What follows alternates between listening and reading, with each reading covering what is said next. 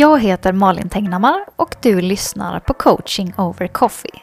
En podcast från One Spoon Happiness där jag varje vecka över en kopp kaffe delar med mig av tankar, mindset och konkreta övningar för att skapa mer glitter i livet.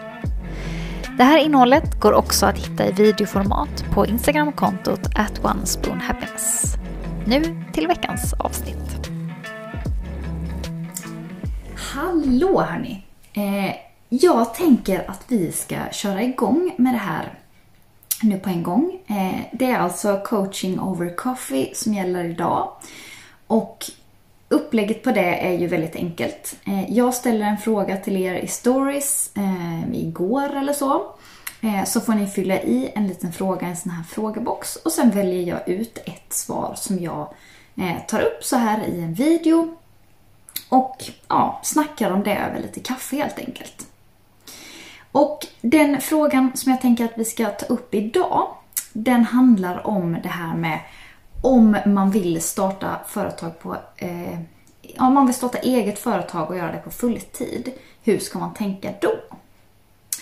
Eh, och jag har lite olika tankar om det. Dels tänker jag att en bra grej är att kanske inte starta på fulltid på en gång. Här måste du känna efter hur du är som person. Eh, lite självrannsakan är helt enkelt på väldigt stor plats här. Eh, fundera på om du är en person som vill gå all in i allting och känner att du blir för splittrad om du håller på med många olika saker eller att du liksom inte riktigt taggar till om du inte gör eh, någonting fullt ut. I så fall kan det absolut vara en bra idé att satsa på att starta eget på fulltid på en gång. Eh, men om du inte är en sån person så skulle jag definitivt rekommendera att göra en form av transition i det här. Att liksom trappa ner lite på det jobbet du har för att trappa upp lite med ditt egna och köra det parallellt. För att saker tar alltid längre tid än man tror. Ehm, jag tänker lite som på du kan kanske tänka lite på det som renovering. Om du någon gång har renoverat någonting eller känner någon som har renoverat någonting så vet du att det håller i princip aldrig tidsplanen. Eh, ingenting har någonsin blivit klart när det var tänkt. Eh, och lite så är det med att driva företag också tycker jag. Att allting tar mycket längre tid än man tror. Så det kommer ta längre tid för dig att sjösätta dina projekt och få dina kunder än vad du tror. Och då... Det kan vara ganska stressande om du har satt liksom sagt upp dig för att göra någonting och då måste du ta höjd för det. Um, och det är väldigt olika vad för typ av företag du ska starta, hur mycket kostnader du har och så. Det är väl kanske den andra saken som jag verkligen skulle rekommendera dig att inte dra på dig onödiga kostnader. Mm, för det är jättestressande när det tickar på. Så börja hellre med så lite som möjligt. Använd gratisprogram, använd free trials.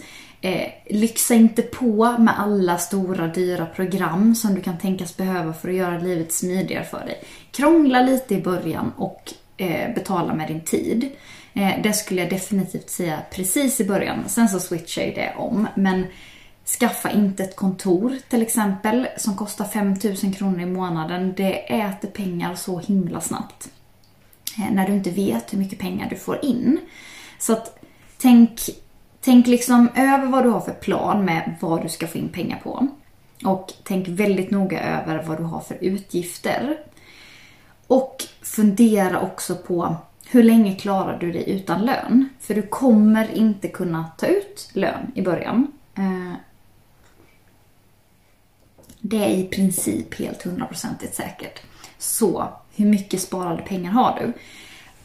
Särskilt om du är inne i tanken på att skapa någon typ av online business så låter det väldigt ofta som att det behövs inga pengar, det tar ingen tid, Ehm, du behöver liksom inget kapital, social media är gratis, du kan starta upp, du behöver inte annonsera.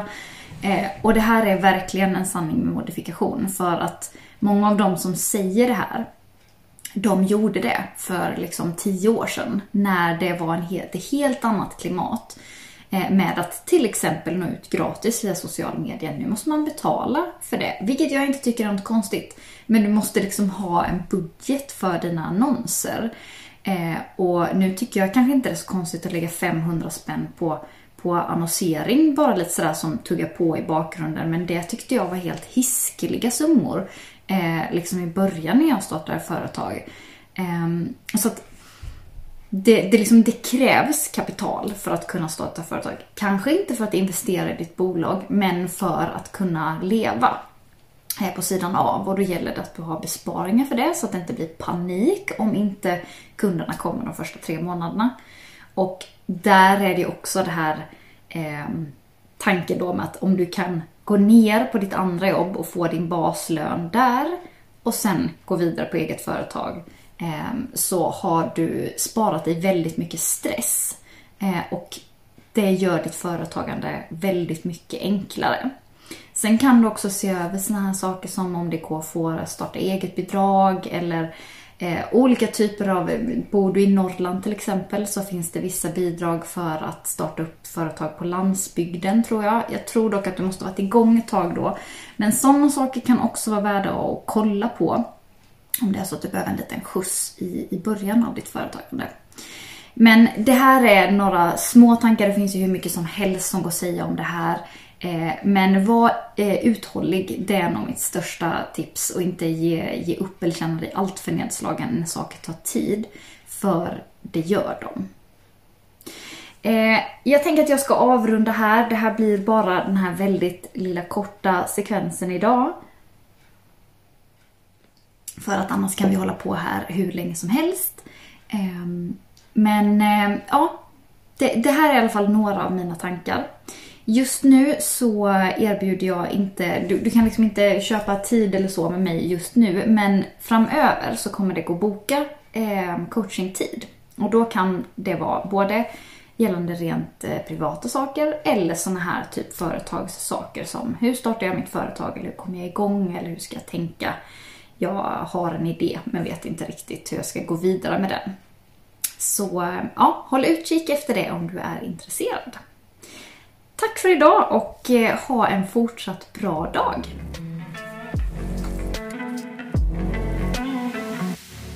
Det här var allt för den här veckan. Och tyckte du om innehållet i den här podcasten är min rekommendation att du går in på Instagram och följer mig på @onespoonhappiness för mer daglig inspiration.